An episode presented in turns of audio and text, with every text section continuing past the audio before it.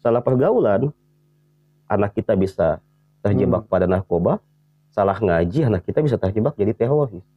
Iya, iya. Ya, ya. Jadi penting untuk mengetahui. Salah pilih Iya, salah pilih komunitas pengajian itu bisa bahaya kan. Iya, iya. salah iya. pilih teman kita bisa jadi pecandu narkoba gitu. Tapi salah pilih tempat pengajian kita bisa Ah. menjadi teroris.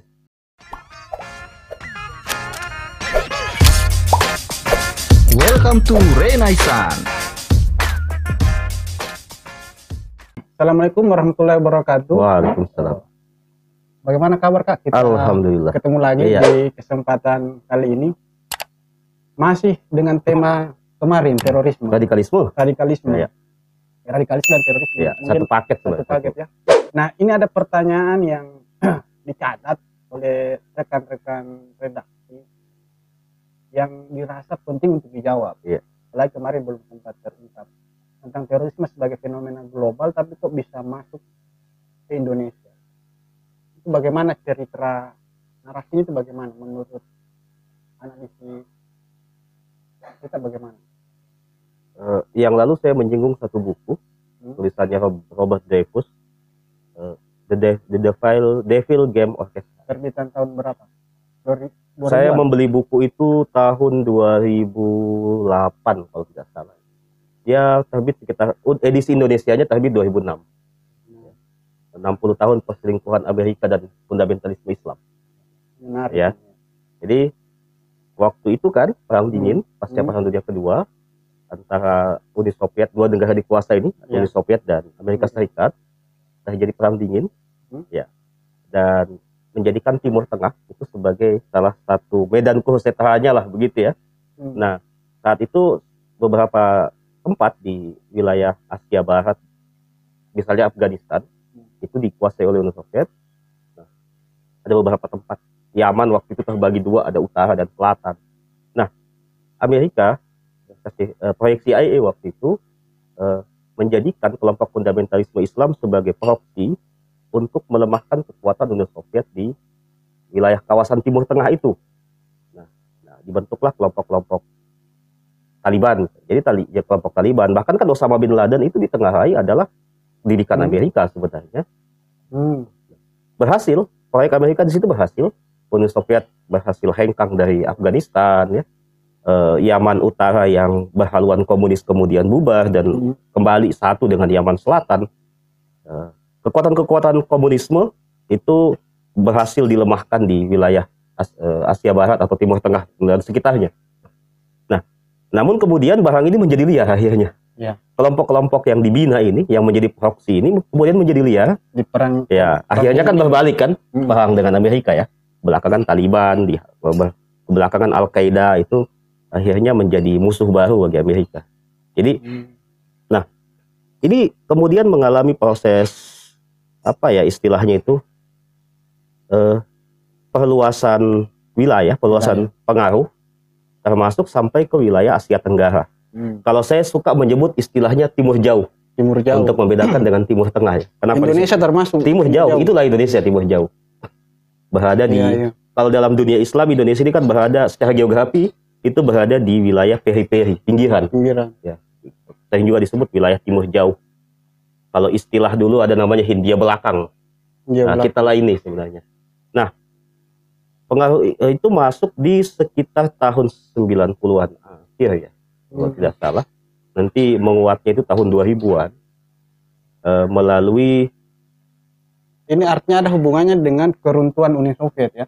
iya Ketika Uni itu Soviet tuh- Amerika akhirnya menjadi negara adidaya adik kuasa tunggal Dikuasa, di dunia dunia.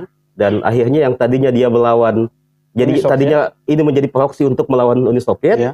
kemudian ini berbalik menjadi musuh barunya Amerika, Hmm. ya. Nah, pengaruhnya kemudian menarik, meluas sampai ke wilayah negara-negara Muslim, termasuk negara Muslim yang jauh di Indonesia ini, mel- ada melalui penye- penyebarannya melalui sebenarnya jalur pendidikan. Pendidikan. Jadi jalur pendidikan, eh, Ini pendidikan media- ada, ada media. lembaga, ada, lembaga-lembaga yang ikut serta ya. Atau pendidikan dalam konteks orang ke orang orang ke orang, kaderisasi sih yang sebenarnya. belajar itu ada pengaruhnya tidak yang belajar ke timur tengah. Iya, ada pengaruhnya. Ya. Nanti pulang membawa Pulang membawa baru. membawa haluan itu ya. Dan Hmm. kemudian juga publikasi media. Waktu itu kan internet belum jamak. Iya. Ya, jadi publikasi media melalui majalah, buletin atau Mhm. buku-buku itu masuk ke Indonesia Hmm. dan pada saat itu kan pasca reformasi eh, Indonesia sedang mengalami euforia ideologi. Hmm. Semua ideologi itu tumbuh, bangkit kembali, Iya, iya. ya, eh, ya Ormas-ormas Islam kebangkitan ini atau masuk ideologi populisme Islam Islam. Islam.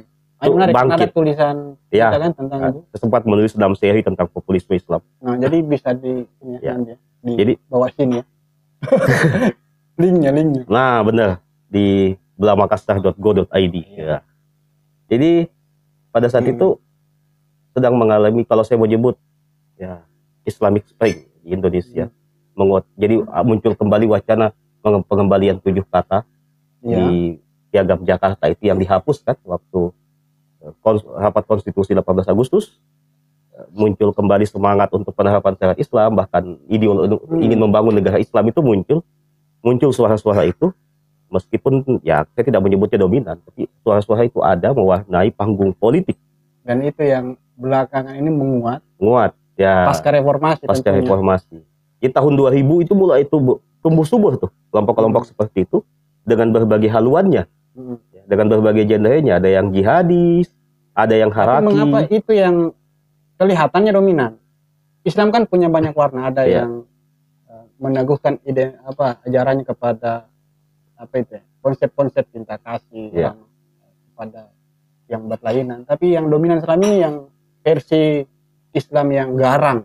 Kalau istilah umum itu Islam yang suka marah-marah. Ya kita kemarin sebut ada hubungan dengan Islam yang apa? Literlek, ritualis itu. Itu Jadi- yang dominan. Nah, Kenapa kalah bersaing? Bagaimana Islam yang ramah itu? psikologi sosial umat Islam itu kan mengalami istilahnya inferiority complex Hmm. ya Ini di istilah inferiority complex bag- apa? ya itu? bahasa apa ya bahasa perasaan Tertinggal. tertinggal, inferior sehingga dan ada kenangan tentang masa lalu golden age itu yang ingin Hmm. dibangkitkan kembali Hmm. semangat itu ada Hmm. dan ini kan sebenarnya benih-benih untuk menuju tindakan-tindakan yang radikal dan ekstrem Hmm. apalagi memang ditunjang dengan pemahaman keagamaan yang fundamentalis Tapi itu kan tidak ada begitu saja. Pasti ada aktor. Ya. Katakanlah yang tadi kita sebut tanda apa ya? Salah satu pengaruhnya orang-orang yang belajar dari sana dari tim tank atau ekskombatan ekskombatan Iya. yang menjadikan daerah yang disebutkan tadi sebagai medan jihad Iya. selesai itu kembali ada perluasan medan jihad perluasan medan Iya. jihad dan Indonesia jadi salah la- satu lahan baru. Iya. Jadi memanfaatkan momentum reformasi juga sebenarnya. Hmm. Nah, Kalau pola rekrutmennya bagaimana? Apakah memang tadi disebut adalah lewat jalur pendidikan? Bagaimana itu di, di dijelaskan itu? jadi ada jalur kaderisasi, ada jalur media. Kaderisasi. Ya, kaderisasi itu memang dilakukan Artinya ini sistematis. rekrutmen secara langsung, melalui pendekatan kekeluargaan, pertemanan, Iya. ya, klaster-klaster itu, atau jalur senior junior di kampus misalnya, Kampus. kampus. Jadi rekrutmen kader dengan Hmm. pola-pola membangkitkan kembali girah ya semangat Iya. keislaman, militansi keislaman itu dibangkitkan, Hmm. ditunjang dengan publikasi eh, terbitan-terbitan baik dia berupa buletin, majalah ataupun buku yang dikonsumsi yang pada saat itu kan cukup marak Hmm. menjadi bahan aja ya, bahan ya bahan aja lah bahan menjadi acuan kaderisasi. Ada juga yang memang tidak secara langsung terpengaruh lewat buku-buku bacaan, tapi tidak berinteraksi langsung dengan kelompok tersebut lewat pengajian. Apalagi Nah, ini yang ketika bahaya ah, tanpa bimbingan. era internet semakin jamak, nah itu banyak yang terpengaruh. Seberapa Misalnya kuat pengaruh medsos untuk yang kasus-kasus begini?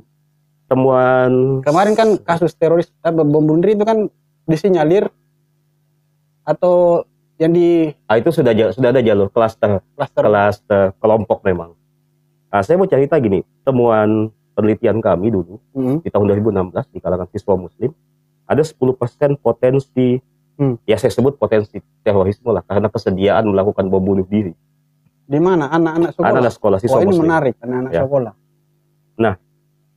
Eh, Jadi bukan yang memengaruhi jadi mereka itu tidak berafiliasi kepada satu kelompok pengajian tertentu tidak ikut pada satu lembaga tertentu Ya. tidak dikader ya secara langsung tapi melalui mereka mengakses itu melalui media melalui internet sebagian Hmm. besar itu melalui internet jadi tidak berafiliasi pada satu kelompok atau tidak bergabung pada satu kelompok tertentu, tapi mereka mendapatkan itu dari akses, akses dan media. tidak ada filter tidak Ya. ada bimbingan Jadi sudah memahami istilah-istilah yang jamak lah di kelompok Iya. tersebut, misalnya tagut, misalnya eh, iya tagut ya paling bahwa negara ini kan tagut. Jadi pola-pola mereka kan sebenarnya Anti- mereka punya ciri khas memperhadapkan agama dan Nah, negara itu tadi itu ciri khas pola-polanya membangun dilema Ah. antara agama Kafir dengan, dengan- ya, non kafir eh, Islami dan sekuler Islam misalnya kan, sekuler. ya Islam dan kafir, Islam versus Hmm. kafir, negara Islam versus negara sekuler misalnya. Hmm, Misalnya pola-polanya seperti itu membangun dilema eh, membandingkan dua hal yang sebenarnya tidak apple to apple. Hmm. Misalnya pilih mana Quran atau Pancasila? Iya. Ya bagi kita yang tidak terbiasa berpikir logik bahwa ini bukan perbandingan, kita akan spontan menjawab ya pilih Quran dong. jadi Ya. memperhadapkan masalah yang tidak pantas Dua hal yang disebutkan tidak ya. apple sebenarnya. tapi itu yang masalah gitu Ya itu yang masalah karena memengaruhi aspek emotif ya. Emosi. Jadi bukan hanya Ah, Islam itu kognisi. kan kalau yang kita tahu ada juga sisi rasionalnya Iya. tapi ini lebih ke afeksi kalau sejelaskan kemarin hudutan epistemologinya kan memang Ah, mereka fideis. Fideis itu kan Fideisme. menolak eh, otoritas akal dalam memahami agama ya. Xenofobia, hmm, fobia terhadap pengaruh-pengaruh asing dan puris, puritan. pemurnian, memurnikan eh, Islam dari unsur-unsur yang dianggap non-Islami, termasuk tradisi misalnya, Hmm, termasuk termasuk modernitas. modernitas Jadi yang paradok dari kelompok ini eh, mereka ada yang menyebutnya sebagai residu modernitas, iya iya Ya. yang tapi orang-orang tidak bisa beradaptasi Iya, dengan modernitas. pembaruan ya benar. globalisme, Globalisme. modernitas. Nah ini ada lagi pertanyaan yang eh, penting saya kira kata kuncinya ini brainwash. Brainwash. Apa itu brainwash? Ya cuci otak Cuci otak. ya sampai Maksudnya otaknya di gimana itu? jadi di semacam di pengosongan pemahaman yang kemudian sehingga mudah masuk indoktrinasi. Hmm. Jadi biasanya yang disentuh awal itu Ini yang dialami ya, anak-anak SD tadi sampai SMA bukan SD. SMA, ya. SMA sorry. SMA atau orang-orang yang dikader ya, yang direkrut untuk masuk. Jadi ditampilkan fakta-fakta tentang Video- yang di-framing sedemikian rupa, video yang diglorifikasi sedemikian Hmm. rupa tentang misalnya peristiwa di Palestina Hmm. ya, peristiwa peristiwa-peristiwa di mana umat Islam atau negara-negara muslim dizalimi Iya. misalnya ya oleh orang-orang oleh orang-orang atau negara-negara yang mereka sebut kafir, gitu. Kafir, ya. Ini kan menyentuh emosi, Hmm. menyentuh perasaan terhadap Sentimen. ya sentimen itu yang Sentimen dibangkitkan. Jadi tapi yang menariknya ini kalau kita mengacu ke kasus kemarin ada juga yang menyasar kelompok kelas menengah yang cenderung terdidik. Ya memang yang disasar kelompok kelas menengah. Itu kan terdidik bisa bisa ya bagaimana itu? Apakah pola beragama yang salah sehingga mudah Ya Betul. jadi kalau ada yang bilang terorisme itu karena kemiskinan, ya buktinya yang disasar Iya. kelas menengah. Atau tidaknya bukan bukan orang miskin-miskin amat lah. Itu kan orang kasus- miskin kan ya, sibuk cari duit ngapain pikir yang gitu-gitu. kasus bom Surabaya bisa yang satu keluarga itu kan kelas menengah sebenarnya. Hmm. Tinggal di kompleks perumahan yang kelas Iya. menengah sebenarnya. Jadi Hmm. yang disasar memang kalangan kelas menengah, kalangan-kalangan terdidik yang kemudian mengalami semacam apa ya apatisme keagamaan gitu ya. eskapisme. Eskap, ya Bukan. kemudian jadi eskapis ya, melarikan diri dari Ketidak- pelarian ya pelarian. Dan ini yang terakhir, saat corak beragama seperti itu yang jadi eh, apa ya, warna khas bagi kelompok Islam garis keras ya kita katakan begitu. Itu seolah-olah diafirmasi secara umum. Ya. Ada ada penerimaan secara umum bagi masyarakat. Lain Islam di Indonesia ini kan mayoritas. Kan- bisa bagaimana itu? Kan, Menjelaskan itu? Ya dia seolah-olah jadi oh ini loh Islam yang harus kita bela dia kan memanfaatkan semangat militansi keagamaan yang berbanding terbalik dengan kognisi keagamaan. Ya, jadi semangat keagamannya yang dimainkan, Hmm. yang didramatisasi sedemikian rupa. Ya kalau sudah semangat keagamaan muncul sentimen keagamaan, maka Hmm. ya ujung-ujungnya tindakan ekstrem itu menjadi konsekuensi implikasi langsung lah Iya, ini menarik ya. Terakhir, tapi kenampaknya itu yang terakhir. Hmm. Jadi eh atau mungkin ada pesan khusus ini untuk closing statement. ya penting sih sebenarnya gini eh, kalau saya menyebutnya bagaimana meng- mengedukasi masyarakat untuk zero tolerance to extremism Hmm. untuk tidak mentoleransi sama sekali hal-hal yang tindakan-tindakan ekstremisme atas nama agama yang pertama yang kedua membangun kesadaran dini kesadaran untuk deteksi dini deteksi Iya. bagaimana caranya? jadi yang pertama misalnya eh, tentang zero tolerance. Jadi ketika ada kejadian itu, ya kita eh, benar-benar bersikap ya kalau perlu kita ngutuk rame-rame deh itu tuh gitu. Bahwa ini tindakan yang Bikin tidak ya, ya tidak sesuai dengan tidak Islam sesuai yang- dengan Islam yang agama agama yang sebenarnya, Ya. Islam yang sebenarnya gitu loh. Jadi eh, ketika kita ikut bersorak, ikut ya menyetujui atau ikut membela itu justru semakin mendukung ya mendukung ke eh, langkah ke apa langkah-langkah mereka.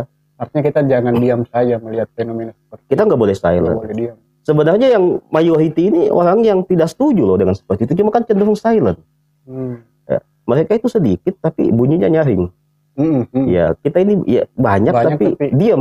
Diam Ya akhirnya yang bunyi nyaring itu kan yang lebih kedengaran. Karena media ya, juga ya, kan. karena media.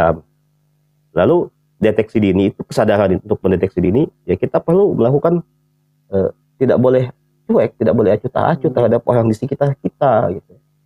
Kalau saya biasa menyebut salah salah gaul, salah pergaulan anak kita bisa terjebak Hmm. pada narkoba, salah ngaji anak kita bisa terjebak jadi teroris.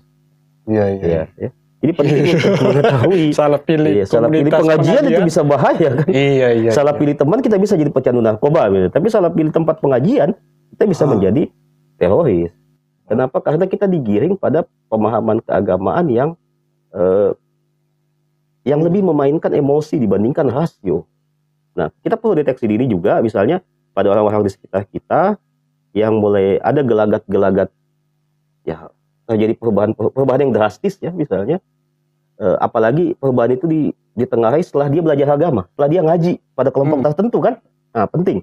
Yang kedua juga ketika ada pendatang di sekitar kita yang datang tinggal, Hmm. ya pihak aparat pemerintahan setempat ya RT, RW atau juga masyarakat sekitar itu harus tahu sebenarnya ini orang dari mana, ya. latar belakang identitasnya juga harus diketahui. dia. Karena ada pengalaman, ada temuan kami misalnya eh, di mereka ayah mereka datang ngontrak di suatu tempat, RT-nya minta kartu identitas mereka, mereka nggak mau. Hmm. Ya ini kan sebenarnya awal dari Itu mesti untuk- di- ya, dicurigai. ya. dicurigai. bukan Mesti dipastikan ya, diantisipasi. dicurigai. Ada apa? Mereka enggan memberikan identitasnya. Jangan sampai memang buronan kan? Hmm. Ya, jangan sampai mereka memang punya agenda, punya misi. Dan itu tidak diketahui tinggal di sekitar. di Ya, sekitar jangan sampai kita kaget ternyata tetangga Ternyata kita, tetangga ya, kita, tetangga kita gitu. Selama ini imam atau pengurus masjid Ya, ternyata di balik rumahnya ada ditemukan. ya saya tidak ingin secara spesifik misalnya bahwa Makassar kan banyak. kan banyak kemarin. banyak banyak ya. Itu, mudah-mudahan itu tidak terulang. ya Ustadz. Jadi ini PR kita bersama saya kira. tapi kita juga nggak boleh mengeneralisir misalnya dengan tampilan-tampilan tertentu itu pasti Iya. teroris misalnya karena Iya. cadar misalnya Betul, karena betul, janggut ya enggak lah kita nggak bisa Ya. menjustifikasi buku lewat hanya sampul sekedar sampulnya Ah. saja. Jadi Apa bahasa Inggrisnya don't judge book by the cover. by cover jadi nggak nggak bisa juga bahwa kita menjustifikasi seseorang atau mengklaim seseorang wah ini pasti teroris karena tampilan Betul. itu yang saya sebut salah satu radikalisme itu mitos karena memitifikasi tampilan-tampilan bahwa ini identik loh. Hmm. bahwa kalau dia berjanggut kalau dia cingkrang atau kalau dia cadar misalnya enggak Tidak selamanya. tidak selamanya gitu loh Ya, saya kira itu Atau apa eh, sudah ini sudah habis pertanyaannya. saya kira itu teman-teman. Assalamualaikum warahmatullahi wabarakatuh. Waalaikumsalam warahmatullahi wabarakatuh